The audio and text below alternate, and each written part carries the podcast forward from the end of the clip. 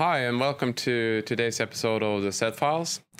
Uh, today I have a guest with me. Uh, I'll soon let him introduce himself, and uh, we'll uh, talk about a very interesting topic that we uh, kind of found to, found together. Uh, so please, um, Kaspar, describe a little bit about who you are and your company and what you're doing, what you're what you do in your every, everyday life. It's good. Uh, hi guys, I'm Kaspar, Kaspar ter Horst. Uh, most people just know me as Kaspar. Uh, I'm one of the co-founders of, of Product IP. Um, I'm built in 66, born in Holland, uh, married, living in the Netherlands, but my basis took me all over this planet from, uh, from Europe to uh, manufacturing sites in the Far East since 1995. Um, been involved in, in product compliance more than purely product quality. Actually, um, from day one after I left uh, the technical high school uh, in the Netherlands in '88. Um, I'm co-founder of Product IP. We're managing it together with Maarten van der Dussen, the other founder, a team of 40 people. And um, oh. we try to uh, help companies in retail and trade uh, to prevent hassle hassle with authorities, hassle with customers, has, hassle with consumers and other stakeholders around uh, the products that they sell. Eh? Our slogan is mm. uh, we believe in a world where you can trust a product. And, uh, I think mm. focus the focus is on everything that you cannot eat, that doesn't eat by itself, and uh, it doesn't grow. So no. it's a, a different world. Yeah. Okay. So do you work prim primarily in uh, like the within the EU or uh, all over the world with compliance? No, we prim primarily work in in the EU. Uh, not having said that, it doesn't mean that the solution product IP that we've created 12 years ago uh, cannot be used for other regions. But we focus on the EU, and the reason for that lies simply in the legal basis of the European framework around product compliance. There's there's an entire structure being built up uh, probably at the same time when when we wanted free trade and free movement of goods and services, uh, we gave back responsibilities to to the market.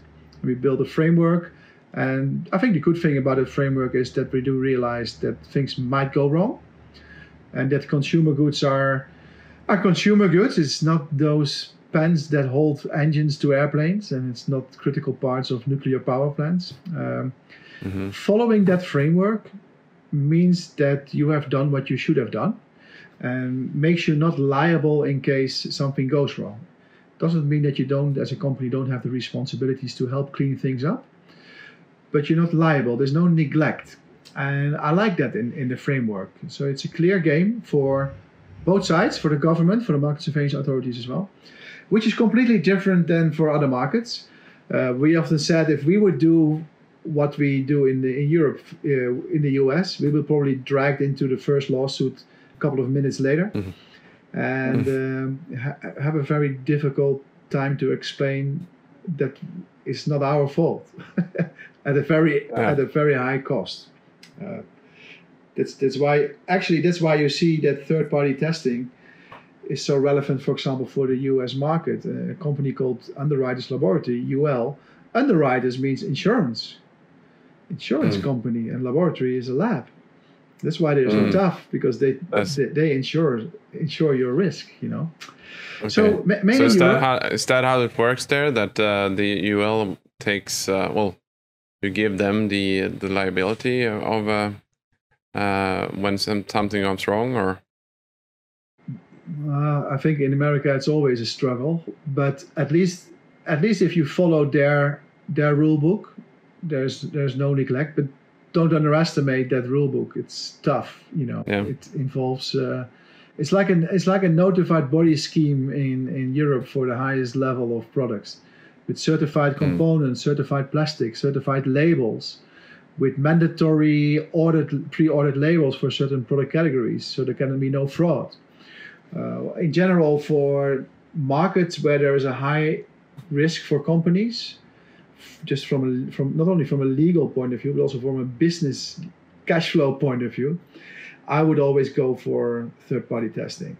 Uh, in Europe, I wouldn't go for third party testing, not necessarily to sell my product, but mainly as part to gain trust from other B2B partners or just to get very good and independent results. You know, Yeah. the, the role of approval marks in the European market is has diminished towards consumers. Most consumers probably will know SEMKO and NEMKO and DEMKO and FIMKO, but not necessarily find those relevant when you buy a product. But when you Oh. when you ask them, to the, do you know where it stands for? They're probably right. But if you ask them, are you looking for those when you're going to buy a product? They probably say no. So Yeah. and so our life uh, at this moment uh, is, uh, from a, from a business point of view, is serving companies that deal with the E- EU market, including Norway, including Switzerland, including Turkey, that uh, all kind Mhm. of countries that follow that uh, that regulation. So the customers are everywhere, global, but Yeah. but the goods end up here. Yeah. Mm-hmm. Okay. Yeah. And you do also. I mean, you have the the platform for uh, compliance, and then you have also uh, consultancy on the side, or are you Yeah. primarily working on the on the platform? Is that your Yeah. core? Yeah, we um, we love customers, but we don't like them to call us. Uh, Mm. We we run a software as a service. We interact with very large customers to streamline their processes, but we like to divert customers to consultants when it comes to very specific areas, like for example, uh, machinery or very complex medical equipment or toys. There's there's a there's, there are many consultants about that, and sometimes you need to Mhm. spend hours with a company to get them going. Uh, we run software as a service, so Mm. p- people call us for getting a training on the platform, but we even want them to find the things out themselves uh, and do it online. Otherwise, our business model is screwed. Then we growing Mm. exponentially, and we have exponential cost and support, and that's not the case, luckily, at this moment. Uh, so, Mm. um, the All team that we do have. One part is a team that does label checks. We've become market leader on the checking of content of artwork on products, packaging, and manuals. Um, Mhm. It's really exploded. Uh, it makes sense for companies to do that. It's uh, flaws in artwork is low-hanging fruit for market surveillance authorities. They, they Yeah, know they know that in six, 60 to 70 percent of the products where something is obviously wrong on the outside, some for something will, will, will be wrong on the inside, because it's a Mm. sign of uh, organized ownership. And so that's what we do, Mm. Yeah. and we have a team in uh, in in Shenzhen and in, managed by uh, two in Hong Kong. Um, originally planned to be support for users of the platform, cooperating with companies in the Far East, but very soon Mhm. became an overflow secretariat office for people that want support when looking at documents, uh, verifying authenticity. But that team has not grown exponentially. Uh, Mm. it should be in the interest of companies and supply chain partners to be able to do things themselves. You know, Mm. if you are a factory and you claim to your customers that you are the number one teddy bear manufacturer of the world, you, you don't know diddly do about manufacturing teddy bears, then you, your your customers should say bye bye to you and find another one. Mm. the, the, the deeper you go into the supply chain, the more specific their knowledge should be, and they should not have a problem to to, to prove that. And uh, Yeah. that, that but the, there will be a peak somewhere when people start and um, how, to get things going or you move into a new direction and uh, that's Yeah. that's when uh, when we support uh, support them Yeah, right. Yeah, and uh, that kind of touches the the topic that we uh, briefly discussed before. Well, that we wanted to to have this uh, the interview about, yeah and um, we uh, as a, short summary on that: uh, new products, uh, um, new suppliers, and new challenges, basically. hmm Uh, you mentioned uh, this was actually before the summer. Uh, you mentioned that uh, you've seen a rise in, um, well, the change of behavior from uh, people uh, that where they spend their holidays differently, meaning that they use uh, other kinds of products, Right. um, and uh, this means also that there are new companies that go into this field and and uh, meet well uh, have a tendency to meet new challenges basically yeah i think that's actually uh, it's a good sign. It's entrepreneurial to uh, to look at the world as continuously changing, and uh, when people start to have their holidays at home, they most likely want to have a small swimming pool, to give you an idea. Yeah. Or uh, Yeah. uh, or a nice uh, garden set outdoor, or you know other things. Or when more people start to stay at home and camp, you need camping gear. So you see Mhm. you see a number of things. Uh, because there's also uh, a renewed interest in all kind of outdoor games, uh, but there's also interest in um, products that are related to keep you healthy, healthy in Mhm. home, home fitness, Yeah. but also home spa, you know, to treat yourself very nicely, and this can result Mhm. in things that you can, uh, you know, turn your bath into a, uh, a hot tub and or to a massage bath or to, to even all kind of uh, cosmetics products. Yeah. So you see existing products um, being brought to the market by companies for whom those products are new, hmm but they might have find a supplier that, that is used to those products. Or you might find companies asking their existing suppliers if they would like to step into these products. Okay, Mhm. then you have a new supplier, existing existing supplier with a new product for everybody. But to be honest, Yeah. in most cases, it will be a an entirely new supplier with a completely new product for them, and a new customer as well. And uh, this Yeah. is a, this is a, and and and and there's pressure because it needs to go right, and and we are in a hurry because we didn't plan it. Mm. So it's a good recipe for things to go wrong. Yeah, yeah. I mean, it's a it's a classic. I mean, supply and demand case where you. I mean, there may be might be uh, suppliers that have these products already, uh, so it's not an entirely new product, Right. but it's a new for this specific uh, supplier. Yeah, Um, okay, so um, let's say we're we're talking to this uh, new supplier and uh, on or this uh, this team of supplier and customer. Um, what uh, what do they need to think about when when they enter this uh, new um, new field, if you say? Yeah. I, think there's um, there's always three kind of things. The, uh, the classic way is that somebody says that they know everything, but the other one doesn't know what everything is and think that everything should be everything that they'll send to them. So we want to get rid of that. Um, the, the first aspect is to establish a kind of a benchmark of what everything should be when it comes to product compliance. Because not, because not necessarily there are aspects related to the product itself, but also when you start to enter the market, uh, are there any business obligations? You know, if, if we would be a Mm. furniture company and we start drilling hole, drilling, drilling, drilling holes in in our furniture and putting G charges in there, we, we, we suddenly become a producer of electronics and we need to participate in recycling schemes. So there might be all kind of obligations that that you need to consider and that influence cost but also route to market. So when when we started Product IP, we know that this is the main struggle of companies to quickly find out what is relevant. But all these regulations and directives have essential requirements. And for most products, when when you are in that in this field and you look at them, you can you can realize these products will touch those essential requirements in these directives. That's what we have done already. So you go to Product mm-hmm. IP, you type in power bank, you choose your you choose the countries that you want, then you choose the date that you want to enter the EU market, and voila, within a minute you have a requirement list that shows which regulations will be touched.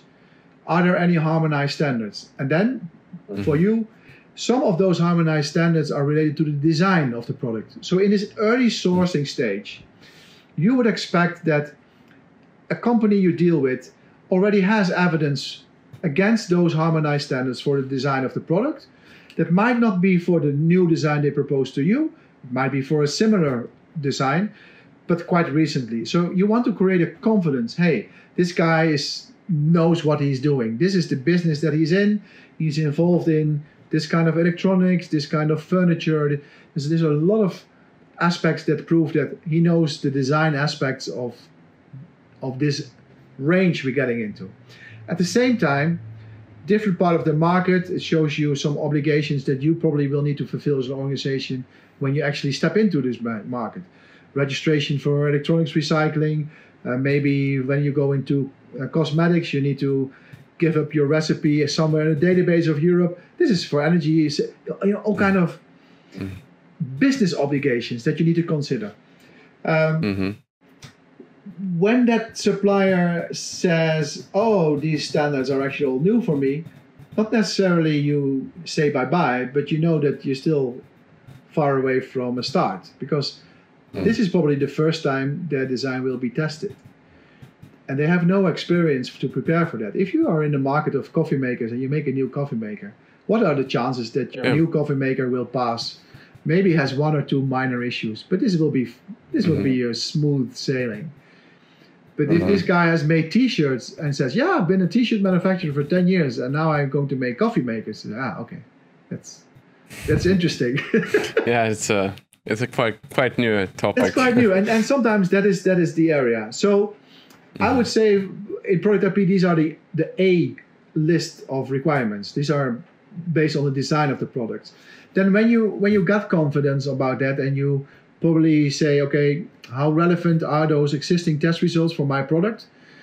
Has this manufacturer any idea about can we reuse them or are we starting from scratch? Although I know he knows what he's doing, but in terms of cost and, and lead time, is this, has he already verified with some of the TICs like uh, uh, I know TUV or SGS or Intertek or BV? Mm-hmm.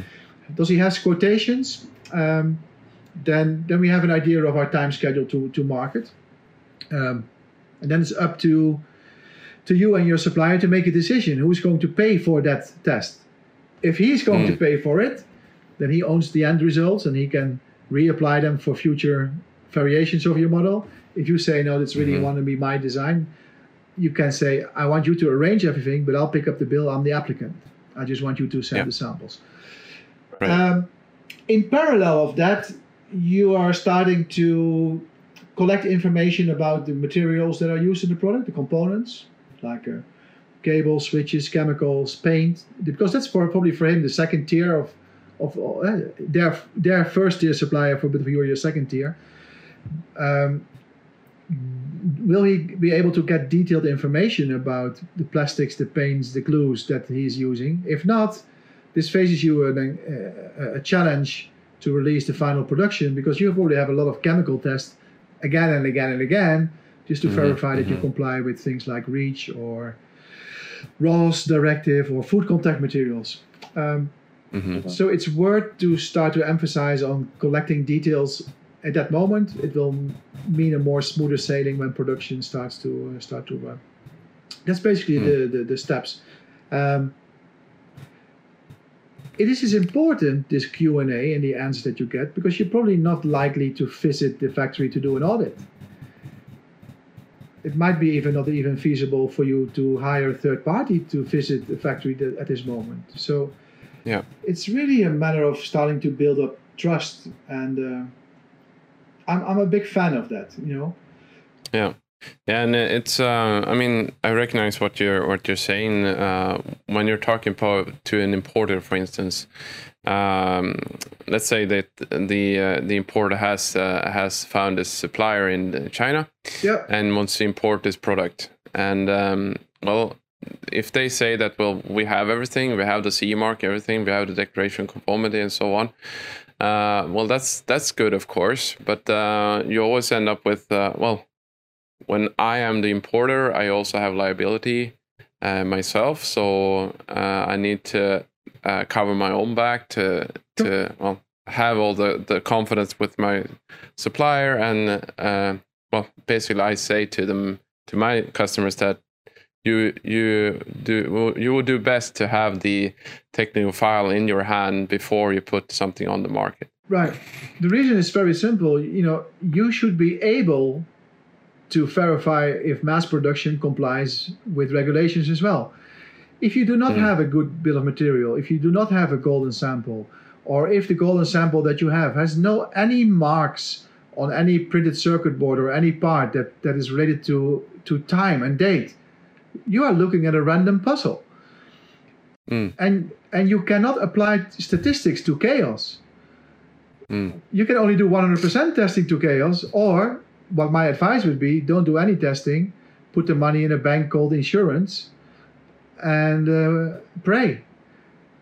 Mm. so, so, so when you're saying a go- golden sample, what what is that? What what do you mean by that? Well, it is quite naturally that uh, people are that factories but when they submit samples to uh, a test institute, even even mm. if you are the applicant on your, on your behalf, mm-hmm. get a copy of one of those. Get one sample to you from that same batch, or mm-hmm. two or three. So mm. when you have the sample, you not only be able to verify colors, but you can verify weight. What is the weight of each part? The part of the housing, the part of this, the part of, because if the weight changes, then then something, something has changed. changed. Yeah? yeah. Somebody's yeah. making money on saving cost. You cannot yeah. you cannot cut through each ladder to see if the material thickness is the same. But it's very cheap mm. to compare weight. Yeah. And it's yeah, that's a that's a really good advice, I think. Yeah. Uh, um, as I've understood or learned, uh, is that uh, well, uh, you need to separate from the sample that you receive the prototype from the series manufactured product. Yeah. Uh, or well, you need to at least consider that they might be different. Right. Uh, when you're when you're working directly with a, a known large supplier, maybe in the in EU, you you can be fairly confident that the product is will remain the same due to you know yeah. uh, culture maybe. Yeah. Uh, but working with uh, smaller or long distance uh, suppliers, you might need to uh, think about this uh, once more before. Right, and and ahead. also what is relevant if you you need to get a bill of material from that supplier on, on key elements, and then they write uh, housing plastic. What is plastic? Mm. Have you ever tried to buy plastic? You cannot buy plastic. You need to specify plastic. Yeah, we don't know. Yeah, what do you mean you don't know? You mm. calculated mm. the cost.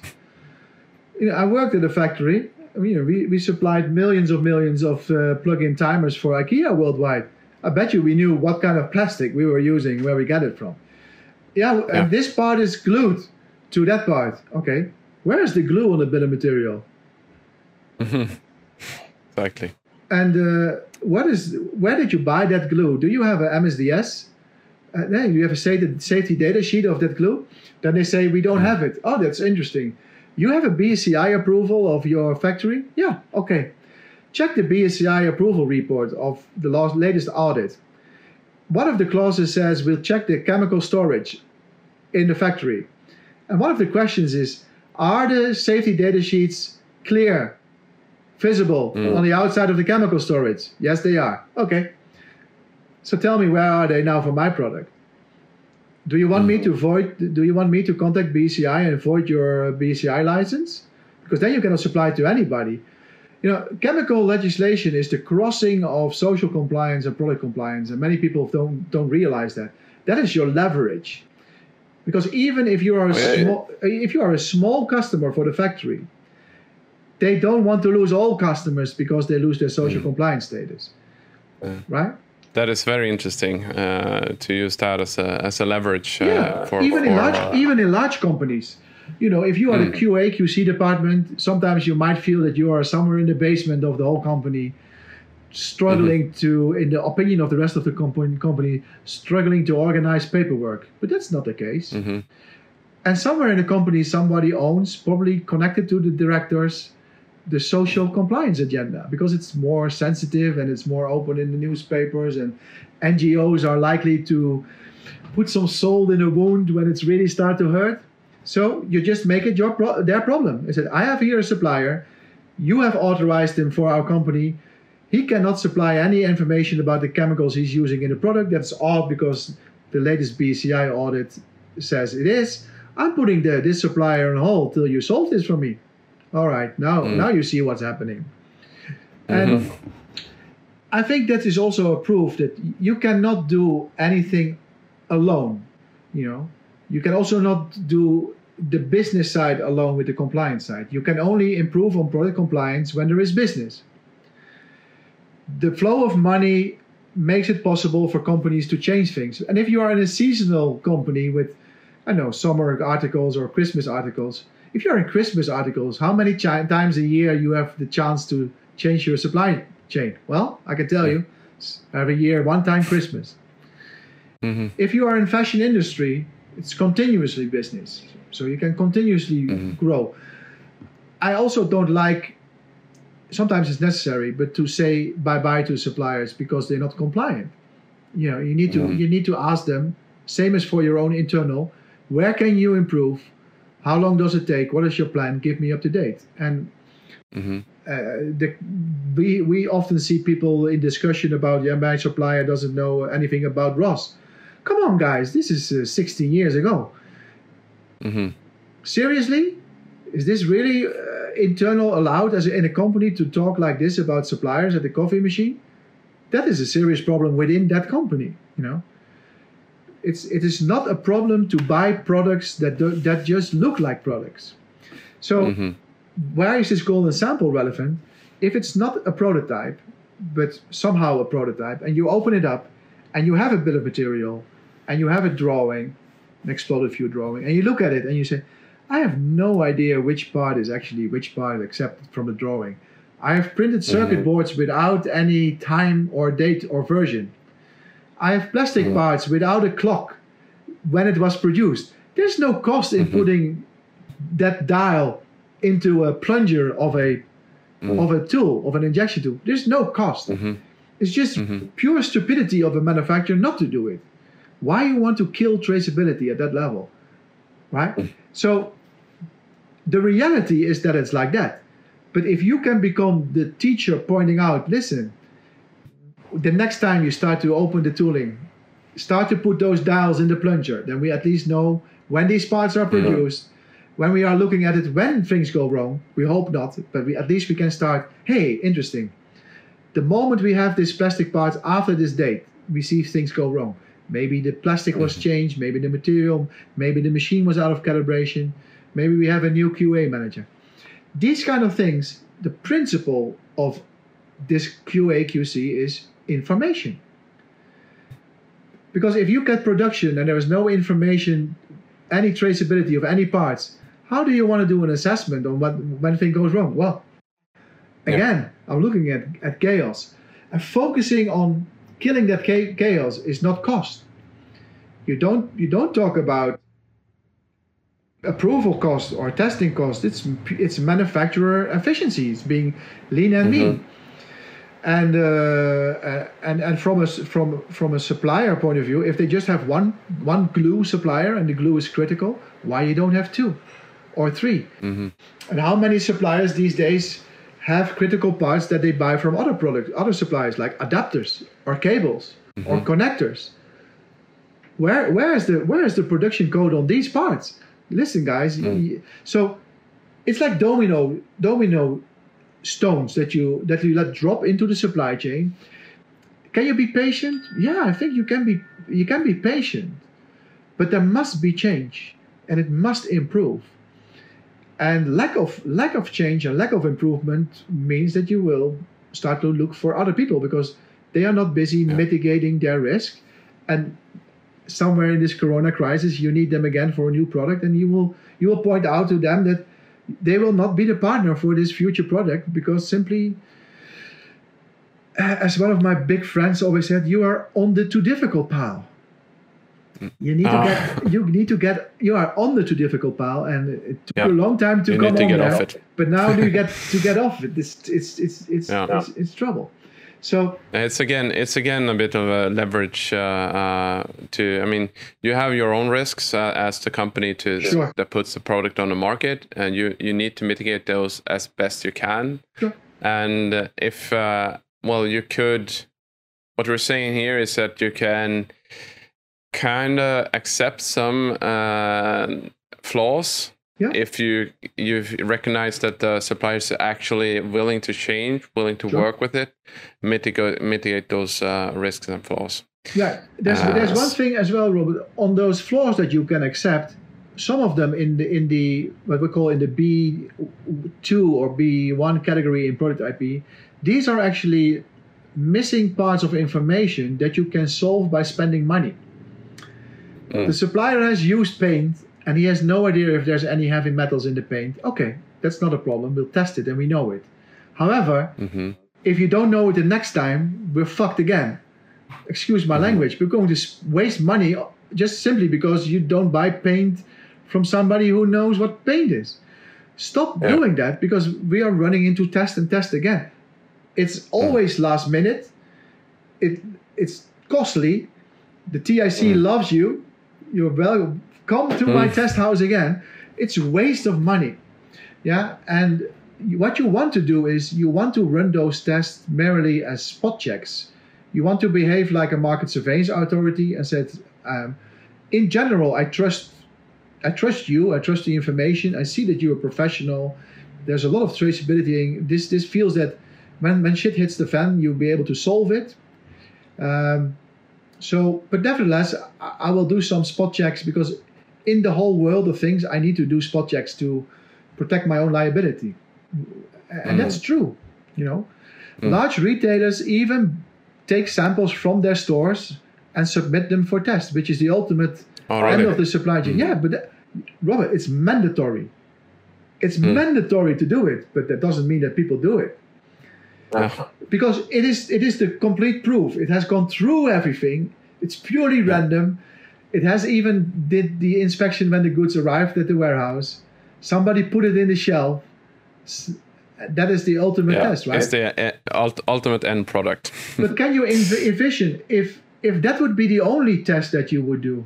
How much cheaper would that be if rather than test everything that leaves factories? I rather would have that spot check at the end in my own rhythm then I need to monitor everything that goes in. Because that's that is not feasible for most companies. There's too many products, too many pressure, not enough time, uh, not enough specialism on that. So uh, the, the biggest thing when companies start to use product IP is that they start to realize that they are actually already know from which suppliers they need to part. But they simply never had the courage to do it. yeah. Okay. Yeah. And uh, Uh, interesting. Yeah, it's uh, yeah, it's it's a really. I think it's uh, you've mentioned a lot of nuggets here uh, for for the listeners um, when it comes to to the new products. Uh, I mean, we're we of course uh, knowing the requirements of a product. Yeah. Uh, num- number one, uh, and then um, uh, well, getting. I mean, are you an importer?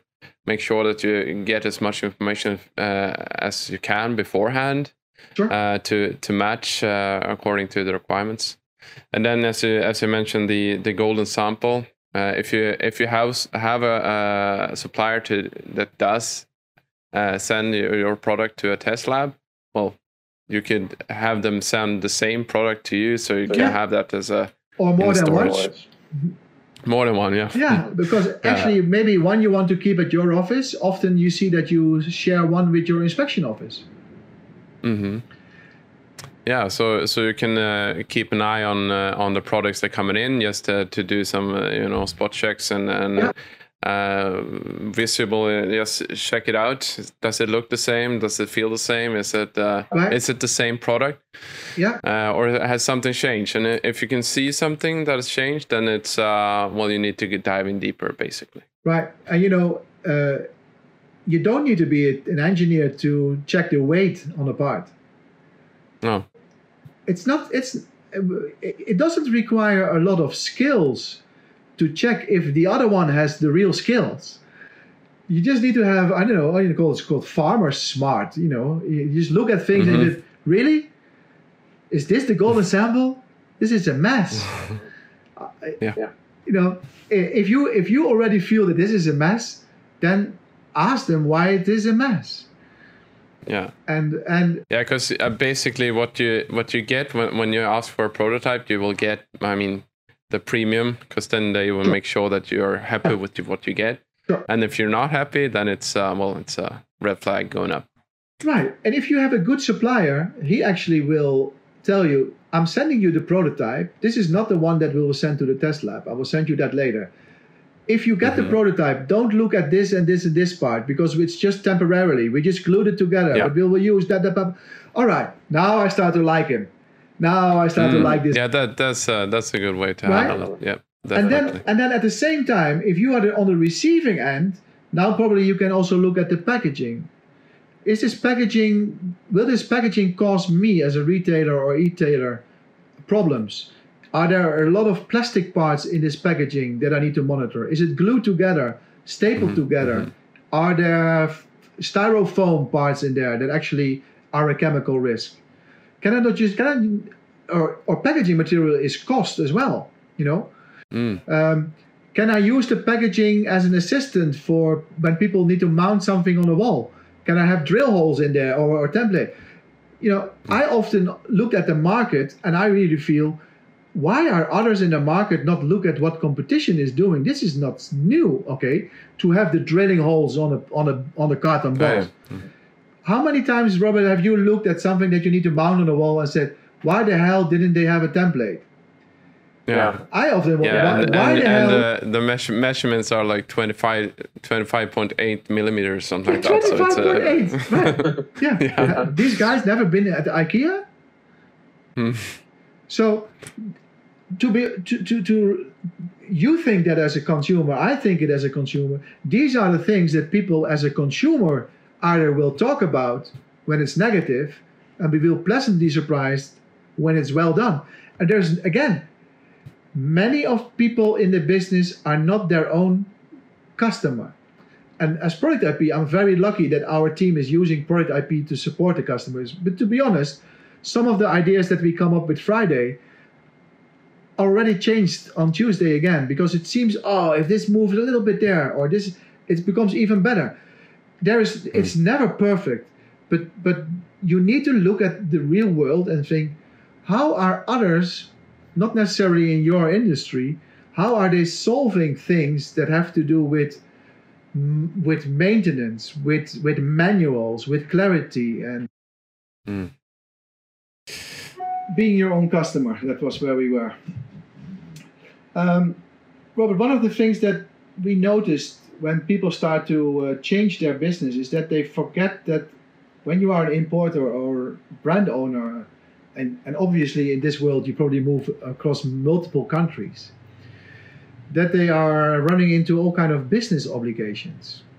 Now, even if you sell via the internet sometimes you need to register at uh, recycling schemes or Mm. um, these things take time. Uh, there is some cost involved but it is necessary to do um, not necessarily that there is cost involved actually to participate because you might be under a threshold in certain customers, uh, certain countries. But to not register and participate in WEEE, for example, in Germany, could result in you getting letters from competition in Germany saying that you are not uh, do, taking part in fair, fair trade, so to say. yeah. Um, you'll be sued for that. For that, and and it this is written in many of the new legislations that companies among each other can take the money from unfair business practices and get the profit. Um, Mm. don't underestimate that. I think it's part of the cost of, of doing business. I know from large e-tailers that that team that takes care of, you know, uh, WEEE packaging directive, battery directive, uh, all kind of registrations, that is really taking part of four or five people when they when they are selling in 21 countries. This also requires you to have certain data from your suppliers. Because you are submitting that data and the government can verify that data not necessarily in the same moment that you're selling the product for them it's very smart. It's like it's like doing your taxes and then you get a you get a check on your taxes four years from now. So they're mm-hmm. separating the point in time from the need to verify your product compliance with the time that they have time to, to check if you really did product compliance. And i think that's that's good. Some of those questions are, are, are silly for you. But it's not silly because to get that information, you need to dive deep into your supply chain. And you stick mm. your neck out and you need to participate. And then, and then three years later, they do an audit and they say, hey, where is this? And that is why some people ask us, this product IP, this whole procedure, that's quite cumbersome. I need to first do A and then B and C. I need to log everything in there. Why is that? because it's there to protect you. It's like being it's like doing bookkeeping with a pencil and a, and a razor. You cannot do that. You, you Mhm. need to with an Mhm. eraser. You need you need to prove that that the process is there. It's not it's not a Mm. problem to make a flaw, but you need to register this was a flaw, it was corrected, blah blah blah. And Mm. and we have built a flow and a process that is built on the foundation of legislation. And that's why you can use Excel and email and notebook to do product compliance. Yes, but it's not that process. You can Mhm. because ex, if you write you, you you use product compliance and you use an Excel sheet and you send it to me and I share it and I modify it, where's the modification history? Mm -hmm. There, Yeah, and uh, as- as you mentioned, it's uh, a lot of uh, uh, well, a lot of the CE marking uh, regulation comes down to you uh, proving your uh, what you've done, what you what you uh, what the, the current situation is, what Yeah. the past was, and and how it will look in the future. Right. And how likely is that that question comes now to the team that's working now on the product? Or how likely is it that it is in two years' time? Yeah. We, we have ever had uh, Lars Wallström at one of the seminars of Product IP. He was the um, he was one of the key communication managers for IKEA when it came to uh, product compliance. And uh, during that congress, he said, uh, "Would you trust somebody who says nothing will go wrong?" Or would you trust some somebody that says, "Listen, this is an incredible, challenging job to get things right. So there might things go wrong, and when things go wrong, we know what to do. We are in control. Mm. We have the information. Yeah. We can pin it down to the Monday morning production or to the Wednesday afternoon production. And because we can, we are insured. In fact, we have even our recall advertisements ready in 21 languages. This is the contract with the call center that we have. And this reflects in 1.5% of the product cost that we charge you. So now I tell you, who will you trust more? Yeah. I, I think the last one. And when people ask us what should what should should you do first when you start to do working on product compliance for non-food consumer goods very seriously, think about the two or three slides that you want to make explaining to the world what you do about that. So it's part of your business. Think about it. What you are proud to to sell to say and and if you sell 26 million lamps, I tell you, there will be some lamps between of those 26 that will not comply. yeah. Yeah. And All right. Well, yeah. Any? Uh, yeah. Please continue. yeah, I think we are always so nervous about about that, but about that reality. But why? Mm. Yeah. Yeah. If if uh, if you do the groundwork and, and cover your own back and and uh, well do the best you can, uh, Yeah. basically, Yeah. uh, then then you should be quite quite okay. Yeah. Yeah. Um, okay, Caspar, thank you so much um, for uh, having well visiting uh, the the podcast. Uh. I think we covered uh, a lot of ground today, given uh, have, having given the the uh, listeners uh, some uh, good uh, Some advice along the way. Yeah, some nuggets. I like. I like that word. Yeah. Yeah. yeah. Yeah. They're free. Okay. Thank you for having Uh, me. well, any any last words uh, before uh, finishing up? Well, we had a session with with uh, some QA managers for um, for the global sources events in, in Hong Kong. They also asked us, how do you see the world in the next three to six months? Do you think that will be picking up with trade shows and travel? No, Mm. no way. Um, But I look at myself and I'm still buying all kind of goods. Uh, you know, Mm. people have still money to spend, and they, they might not go on holiday, but they still buy products, and uh, Mm. they're still your consumer is still there. Keep taking care of them. Yeah. Um, adapt the new normal in that sense, and accept it that it's like that. Start to find new ways to um, to build trust, in two ways. Huh? If you are, as- if, if there's a lot, of, there are many innovative factories in the Far East as well.